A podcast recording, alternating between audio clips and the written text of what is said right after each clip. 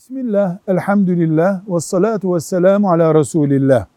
Resulullah sallallahu aleyhi ve sellem iç kıyafet olarak pijama giymiştir. Buna sirval adı veriliyor.